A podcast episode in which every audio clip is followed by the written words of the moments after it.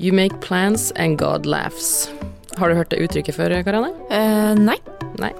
Det er et uttrykk som de bruker vanligvis når du har lagt planer og man får seg en liten kurveball i livet. Mm. Eh, I dag så har vi med oss en gjest som skal fortelle hvordan livet ble snudd på hodet når døden banker på døra og babyen din dør på selveste julaften. Og hvordan går egentlig livet videre etter en sånn tragedie? Så Miriam, velkommen til oss. Takk for det. Eh, og velkommen, kjære lytter, til Helt håpløs.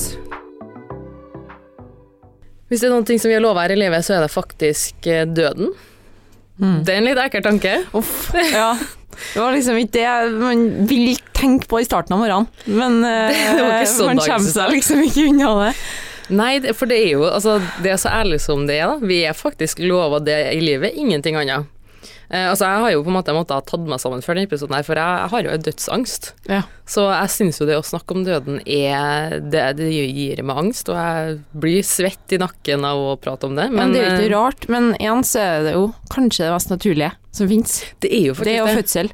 Ja, altså, jeg vil jo på en måte komme meg dit hvor jeg tenker at døden, den venter på oss alle, Ja. det blir bra. Det blir fint. Men jeg tror den her uviten om at man vet ikke hva som skjer etterpå, det er det som er skummelt. Ja, og så kan man jo tenke seg blå og grønn, da. Og så begynner jeg i den tankegangen der, så kan jeg sitte seriøst og bare greie meg til et helt annet univers, liksom. ja, faktisk. Ja, det er sånn. Så nei, spennende. Eh, så Karianne, har, har du mista noen før? Ja, det har jeg, men heldigvis ikke så veldig mange. Eh, Det første som på en måte slår meg, det er jo min kjære farfar, som eh, var liksom mitt store første møte med døden, Mm. som gikk veldig hardt inn på meg. Mm. Eh, men jeg, det er jo på en måte Det var jo en sånn naturlig ting som vi kunne forutse. Mm. Eh, det var ikke tragisk, det var bare veldig trist, Mm. for at det var en person som vi var glad i. Mm. Men det var sykdom, og det var på en måte noe som vi så for oss at kom til å skje. Mm. Så bank i bordet. Veldig, vært veldig heldig sånn sett, da. Veldig heldig, ja. Jeg hadde jo samme opplevelsen sjøl. Eh, det store dødsfallet som jeg har opplevd, det er Morfar. Nettopp. Eh, og det er jo sånn som folk reagerer på med litt mindre sympati, for sånn «Ah, en gammel mann, ikke sant. Men ja, ja. det gjør fortsatt like vondt. ja, det er fryktelig. Man blir jo helt forferda. Så åh gud, da husker jeg en episode under begravelsen hans. Da Mm. følte jeg meg skikkelig håpløs, fordi jeg hadde prolaps i ryggen, så jeg hadde allerede drugga meg sjøl med Paralgin-forte for å klare å overleve de benkene i Strinda kirke, for de er jo krappere enn 90 grader. Det er så vondt. Du sitter nesten foroverlent. Ja. Og så husker jeg bare det var en venninne som sa til meg for å overleve en begravelse, så skal du se opp i de rosevinduene og bare telle ruter. Sånn fram og tilbake, sånn for å klare å holde deg til å ikke bare hylgrine. Ja. Så jeg satt der og telte og prøvde å holde meg og holde meg helt til vi skulle reise oss og og kista skulle bli gått ut. Uh, og så skulle jeg og mormor gå sammen, så når vi snudde oss, så hadde jeg ikke fått med meg hvor mange som var i kirka. Den var helt Nei. full. Og så husker jeg så familiemedlemmer og folk, eh, venner av foreldrene mine som ga meg sånn sympatiblikk, og da hyler jeg Ja. som en lita jente.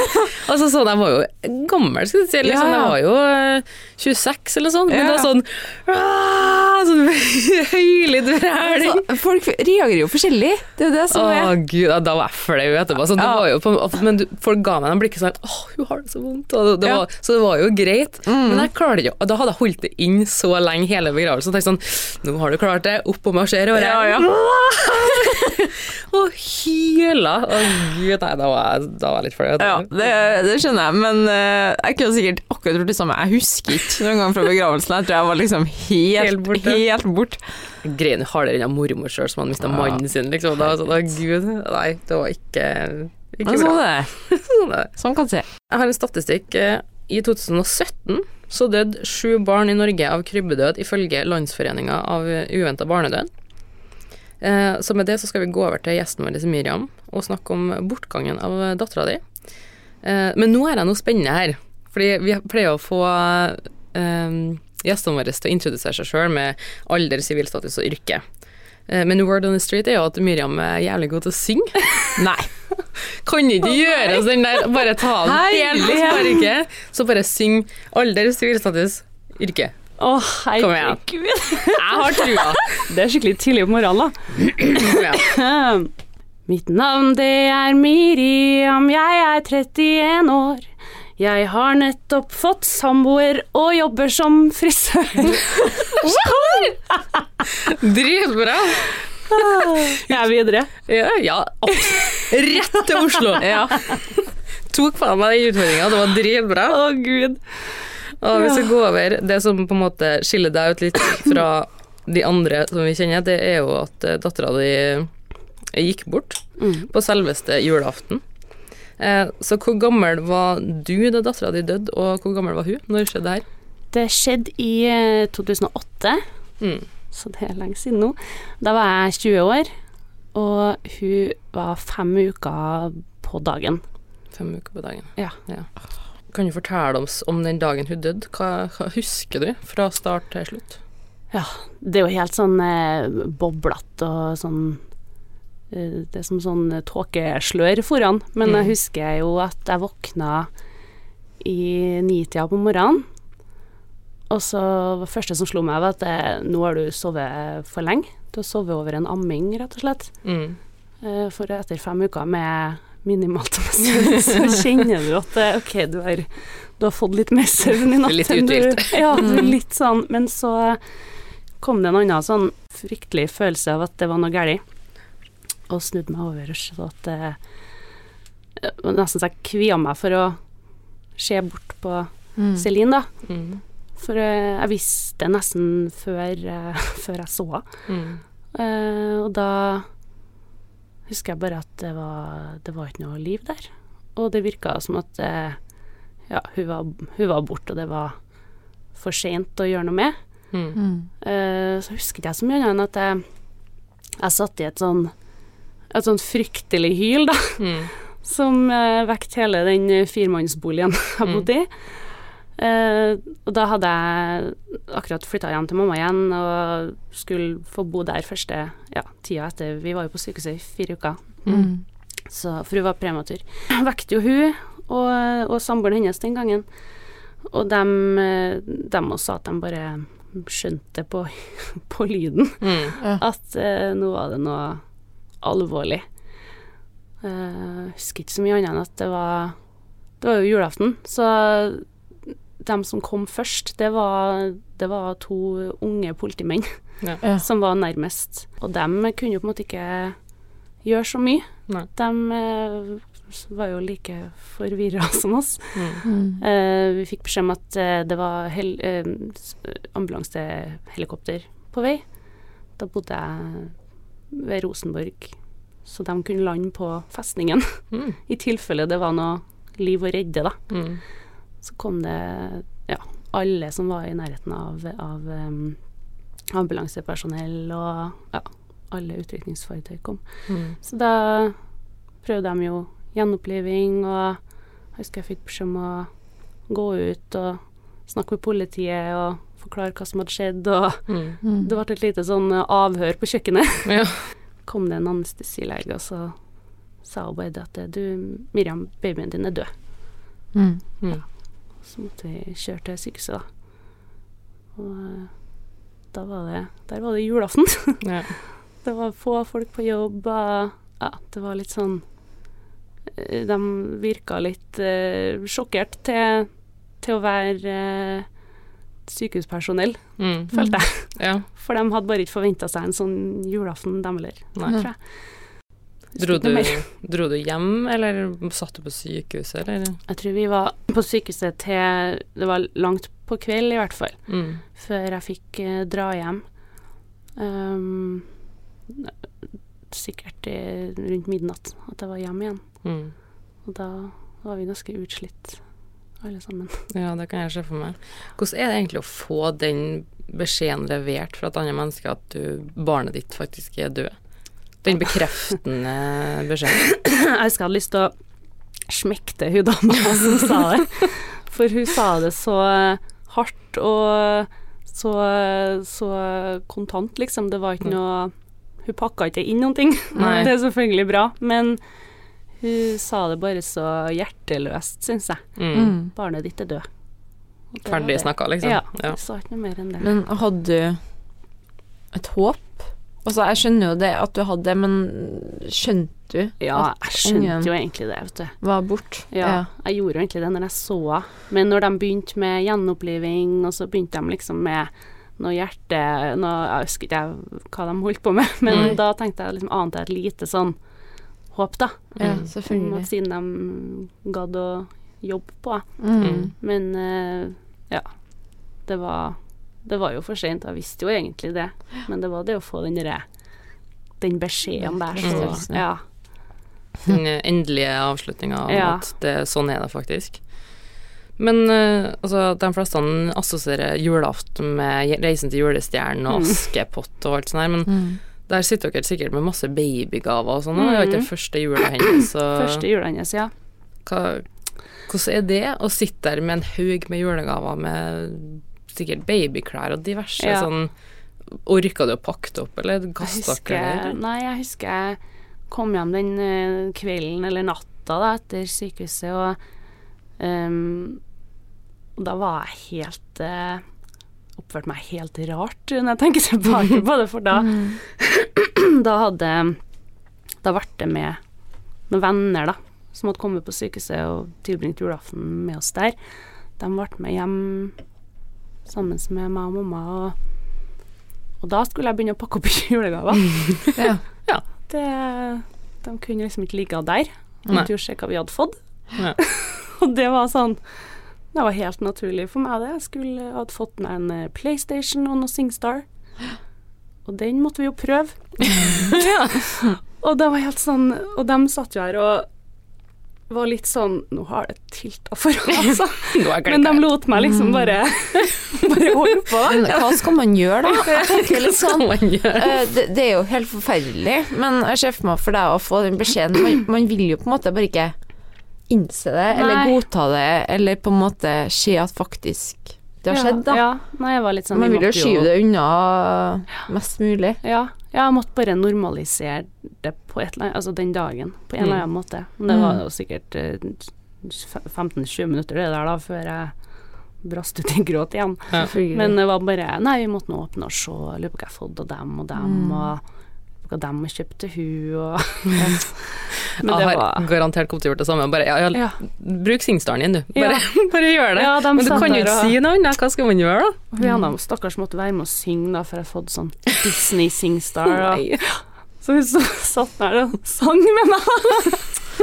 Det er god venninne, da. Ja, Ja, hun var veldig veldig god venninne. eh, men hva skjedde etterpå? Altså, det her er jo den første dagen av sikkert en veldig lang periode. Mm.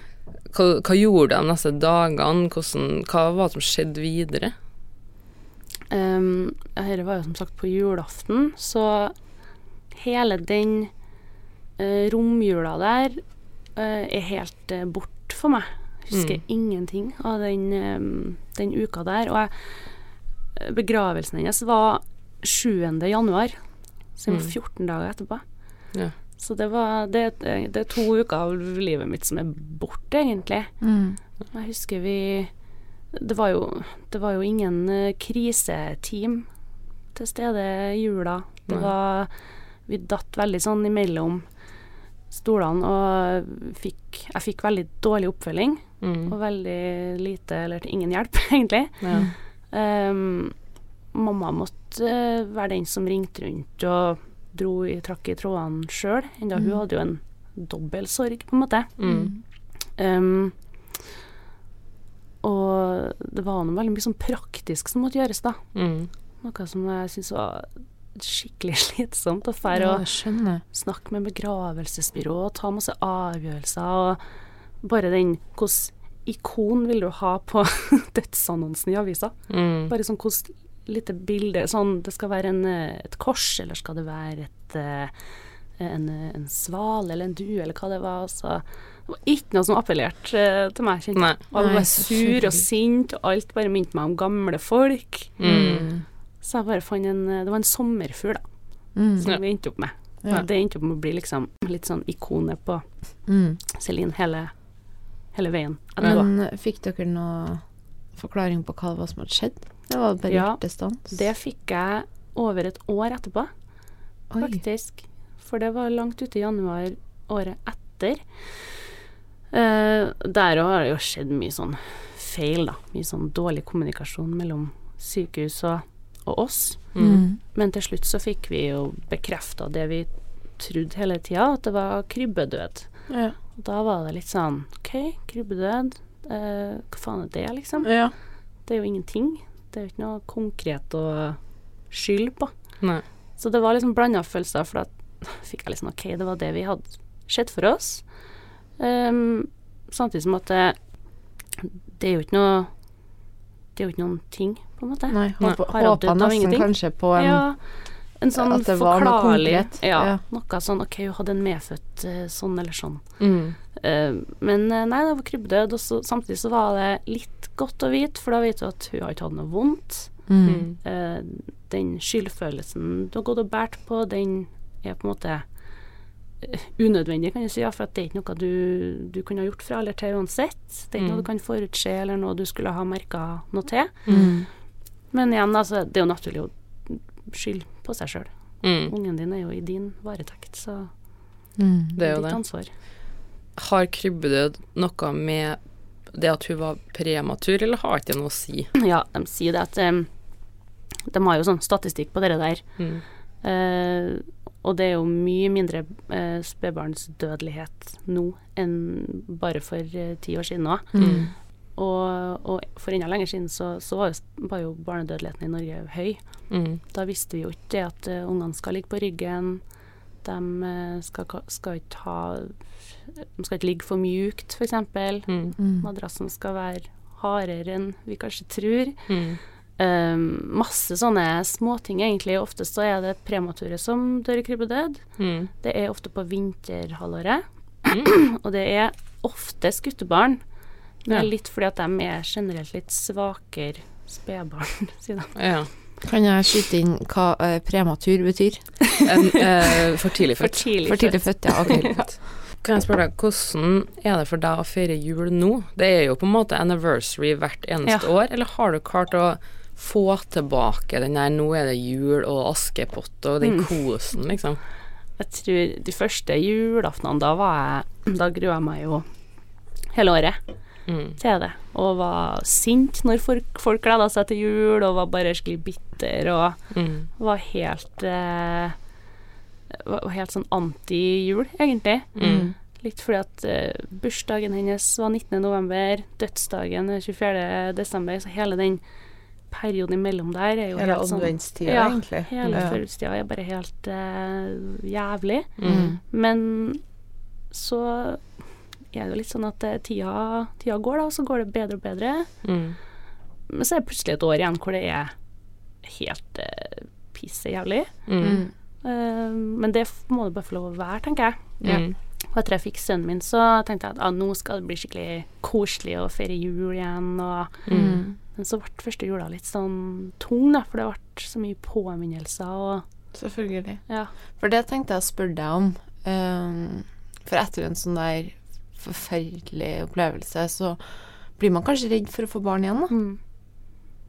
Ja, jeg var jo det. Ja. Jeg syns det var skummelt å tenke tanken på svangerskap og fødsel, og spesielt den der de første fem ukene, da. ja.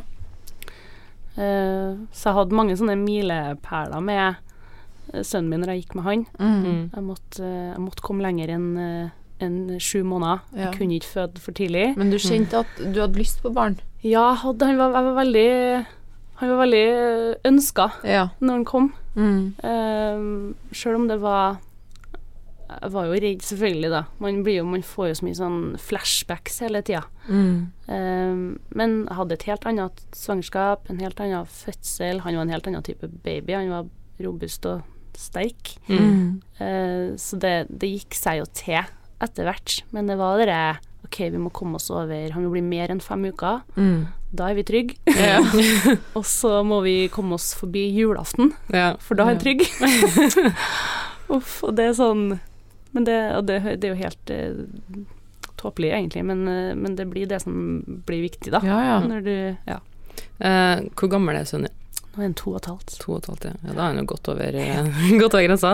Men har du, hvordan er det sånn Har du fått problemer med nattesøvn? Jeg tenker sånn, for og den for da, den morgenen så hadde du på en måte sovna av med sånn Ja. harde tegn, da, men, Ja, ingen hadde vekt meg, liksom. ja, men få, har du noe fått den at du på en måte bråvåkner Ja. og sjekker og sånn, eller? Ja, hele tida. Hele tiden. Kanskje spesielt første sånn tre-fire månedene. Jeg var helt, eh, helt gal, for hadde, det var så mangel på søvn. Mm. Og, eh, men jeg skulle ikke ha noe hjelp, og skulle ikke eh, liksom eh, ha noen til å komme og være mens jeg kunne få sove. Det var bare det var mitt ansvar. Jeg som skulle våke over han. Uh, lå liksom alltid med en hånd bortpå og kjente og våkna ofte i, i panikk, da. Mm. For å spole litt tilbake. Eh, du snakka om at du flytta tilbake til mora di når du bodde med Når Celine var Ja. født. Ja. Eh, var du alenemor, eller var du Ja. Ja, du var det. Ja. Det, altså, det er jo helt utrolig sterkt å være 20 år alenemamma, og så plutselig så forsvinner ungen. Mm. For jeg tenker De fleste har på en måte en mann å klamre seg Mm. fast i. Mm. Hvem var på en måte din viktigste støttespiller som du på en måte lente deg oppå? Ja. eh, hadde veldig mye gode venner på den tida, Mm. som eh, dem som troppa opp på sykehuset, og Mm. eh, de som var med meg hele svangerskapet og tida etterpå. Mm. Um, hadde jo òg Fikk jo en kjæreste etterpå som eh, Som var veldig, veldig støttende, Mm. og eh, prøvde så godt han kunne. Mm. og det Ja, det roser ham for. i dag. Vi er jo ikke sammen lenger nå. Nei, nei. Men, eh, men da var det Det var sikkert en av de tingene som kanskje holdt meg gående. Mm. Det var han og den vennegjengen vår. Mm. Mammaen min hjalp meg masse. Uh, fikk ikke så god hjelp av liksom apparatet rundt, egentlig. Nei, for det hadde gått ganske lang tid. Mm. Da møtte jeg en veldig flink behandler. Ja. Så jeg gikk jo på Nidaros DPS en gang i uka i et og et halvt år, tror jeg. Ja. Mm. Og det, men det var nødvendig. Men tror du at det var fordi det var jul, at det var vanskelig å få noe tilbud, eller ble det tilbud til ettertid, eller var det på en måte Ja. noe du savna? Jeg tror vi, vi datt litt sånn under radaren Mm. fordi at det skjedde i jula. Mm. Eh, fått beklagelser både fra sykehuset og fra liksom politiet og, og eh, Nav og alle blemma egentlig Ja, med mm. oss den eh, perioden og i lang tid etterpå. Så eh, ja, jeg tror, eh, tror det var litt på grunn av at det skjedde i jula. Ja. Og jeg vet at det har blitt eh, tatt opp Ja. i senere tid hvordan man ikke skal gjøre det. Mm. Så i den tida her, jeg husker det jo, fordi jeg leste jo bloggen hennes. Hun hadde jo blogg, vet du. Ja, Er du altså- blogger? Nei, nei, ikke nå, men ja. den tida, husk på det, her, er 2008, det, så da fikk alle blogge og Ja. bloggkose. Jeg Og, husker ikke hvor gammel jeg var da, men uh... du var nå bare et lite barn. lite barn. Ja, vi, er, vi er litt eldre, vi er, vi er Vi voksne vi hadde blogg i stedet for Instagram. Ja, Instagram. Instagram. Det var Det så vidt. begynte kanskje rett etterpå. Ja, du gjorde kanskje det Ja. et par år etterpå. Men altså, du blogga jo, eh, og du blogga mye om Celine og Mm. krybbedød og hverdagen din. Ja. Eh, så, men hvordan var folk sine reaksjoner? Sånn, hva var det beste noen hadde sagt til deg, og hva var det verste noen sa til deg? um, jeg tror det beste noen sa Jeg husker liksom ikke noen konkrete kommentarer og sånn, men jeg husker at det var veldig mange andre eh, englemødre, da, som vi oss, Mm. som, eh, som skrev til meg, og eh, det var Det kunne være folk som ikke hadde blogg sjøl, Mm. men de, eh, de satt og leste de innleggene om Celine, da, og det, de sa at det, det hadde hjulpet dem veldig. Uh, og de hadde enten mista nylig, eller for mange, mange år siden. Mm. Hadde ikke kanskje bearbeida det så godt og så fort som de kunne og burde ha gjort. Men hjalp det deg, da? Å Ja, skrive og få på en måte feedback og Ja. vite at du ikke er alene? Ja, det var jo litt sånn Litt for å minnes hun. Mm. Også noe for å ha noe å gjøre, for jeg holdt på å bli gal av å gå hjem og være liksom eh, sykmeldt da, i Kåstein. Ja, eh, og så er det liksom en måte på hvor artig det er å synge Disney Disney Singstar. Ja, det var bare den ene gangen. Ja. og, um, bloggen ble litt sånn eh, Ja, liten sånn dagbok, og, og litt for å rømme unna alt det tragiske òg, for jeg skrev jo om ikke så veldig tragiske ting òg. Mm. Skrev jo om Jeg drev jo og dansa på den tida. Og, og var jo frisør, så jeg holdt jo på som frilans stylist og la jo ut liksom alt mulig Mm. sånne frilansoppdrag. Mm. Men jeg merka jo det at eh, folk ville helst lese om hverdagen min, Mm. og følelsene og tankene og Ja, ja. Det var det de hadde lyst til å, å høre om, da. Mm. Så det var, det var veldig godt å få den feedbacken fra andre som var i samme situasjon, om at Mm. eh, det her har hjulpet dem mye. Mm. Og at de har endelig begynt å snakke om det, kanskje, og nå har de begynt å gå til behandling, og Mm. ja, at eh, de ikke følte seg så alene, da. Mm.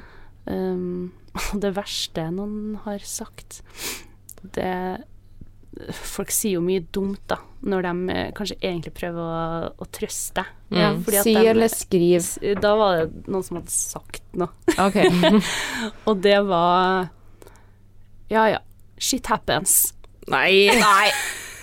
Oh my god! Jeg, der blir helt svett i nakken. Ja, og den har liksom satt seg, da. Som en sånn. Ja, ja, ja, shit happens. Vet du, folkens, jeg bare tar det i plenum. Jeg Skjerp dere. Ja, vet du. Hvem sier sånn? Jeg ble, ble helt, jeg ble helt matt i meg. Jeg, ble sånn, du, altså, jeg har fått mye teite kommentarer sjøl, men hvem sier 'shit happens' når en baby er død? Da, nei, vet du. Da, tror jeg, da tenker jeg at da vet man ikke helt hvordan man skal reagere. Nei, Litt sånn altså, eh, mangel på Men da er det jo mm, Ja. Altså, Alt annet er bedre, da. Ja. Tenker jeg. jeg tenker bare Gandhi. Altså, speak only when it improves upon the silence. Det er lov til å holde kjeft også. Ja. Jesus Christ. Uh, jeg vil gjerne at du skal fortelle deg som en episode der du følte deg sånn helt håpløs i den eh, situasjonen her, enten under eller i ettertid.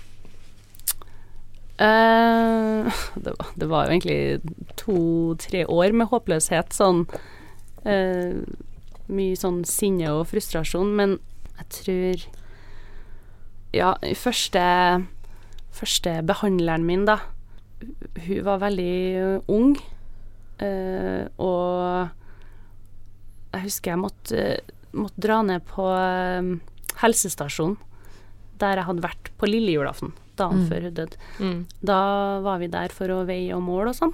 Mm. Uh, og dit måtte jeg tilbake, da, for å sitte på det samme venterommet. For det var det samme kontoret som hun behandleren satt på. Mm. Og så kikka jeg inn på det lille lekerommet der det var masse toddlers da, som skulle vært Ja, som var på alder med det dattera mi skulle ha vært. Mm. Uh, og da kjente jeg bare en sånn her det her, er- det her må være en kødd. Det her er Det her er karma eller noe et eller annet. Mm. Det her er noe Det her er en vits. Det går ikke an at jeg må sitte her og liksom i sjokk og sorg og depresjon og og være tilbake på helsestasjonen, liksom, rundt masse babyer og Mm. Men da skulle jeg inn til hun, og der sitter hun og leser ut ifra ei bok, nærmest, da. Eh, hun virka veldig usikker. Hun var jo absolutt ikke Altså, jeg var jo en altfor stor case for hun. Jeg tror nok hun har kanskje fått seg ganske håpløs. hun gjorde nok det. Og der sier hun liksom til meg at Ja, Miriam, nå, nå, er, du liksom i, nå er du liksom i sjokk, da. Uh, og det skal du være liksom så og så lenge. Um, og så kommer eh, det og det, og så sorg, og så um, sinne, og så depresjon. Og du kommer sikkert til å være deprimert i sånn rundt tre til fem måneder. Og bare Ok. Oppskrifta, da. Jeg kjente jeg ble så rasende, da. At jeg brøla. Tre måneder! Og jeg tenkte bare Nei, nå går jeg. Det her orker jeg å høre på. Skal jeg, får jeg lov å være deprimert i tre måneder? Uh, da kjente jeg bare at vet du, det her er bare Det her gjør meg ingenting godt. Nei, Og det her er ikke noe hjelp til hun heller. Som uh, psykologistudent, eller hva hun var for noe. Stakkars. Og jeg tenkte bare for meg selv, herregud, jeg, jeg, skal, jeg, skal være, jeg skal jo være deprimert resten av livet. Ja. Det er jo den her sinnsstemninga jeg kommer til å ha nå for alltid. Mm.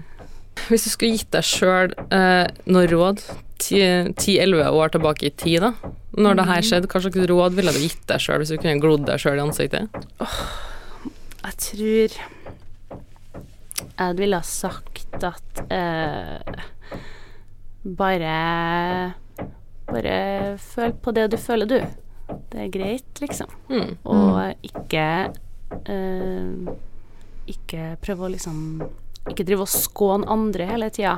Så hvis det er flere englemor, sånn mamma rundt her, noe som på en måte står i det akkurat nå, det er nettopp skjedd med dem, Mm. hva slags tips og råd har du til dem? Når de står i den bunnløse sorga? Jeg vil kanskje si at de bare må bruke nettverket sitt. Folk har lyst til å hjelpe dere, og, eh, og det er greit å snakke om det, og det er veldig viktig å snakke om det. Og det gjør veldig godt å snakke om det. Mm. Eh, og at eh, krybbedød, det er ikke tabu, liksom. Mm.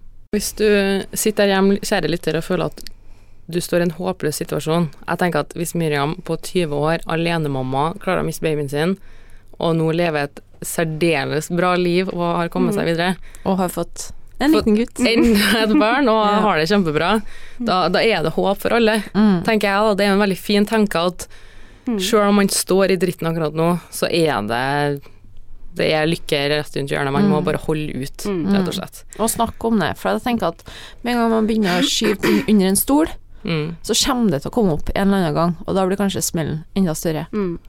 Helt enig. Nei, jeg sier tusen takk til Miriam. Det var kjempehyggelig å ha deg her. Takk, takk. eh, til deg, Karianne, min Ja. trofaste sidekick. Litt uh, forsinka i dag, men eh, sånn er det. Stille opp. det er litt av sjarmen din, det, Karianne. Nei, takk, kjære lytter. Til neste gang, ha en riktig fin dag, og ta vare på hverandre. Hvis du likte denne episoden, så håper jeg du tar deg tida til å gå inn på iTunes og gi oss en strålende anbefaling, så vi kan nå ut til flere akkurat sånn som deg. Husk på å abonnere på podkasten vår i Spotify, så du får med deg neste episode. Har du en spennende livserfaring, historie eller en episode der du var helt håpløs, send oss en DM på Instagram til hh-pod.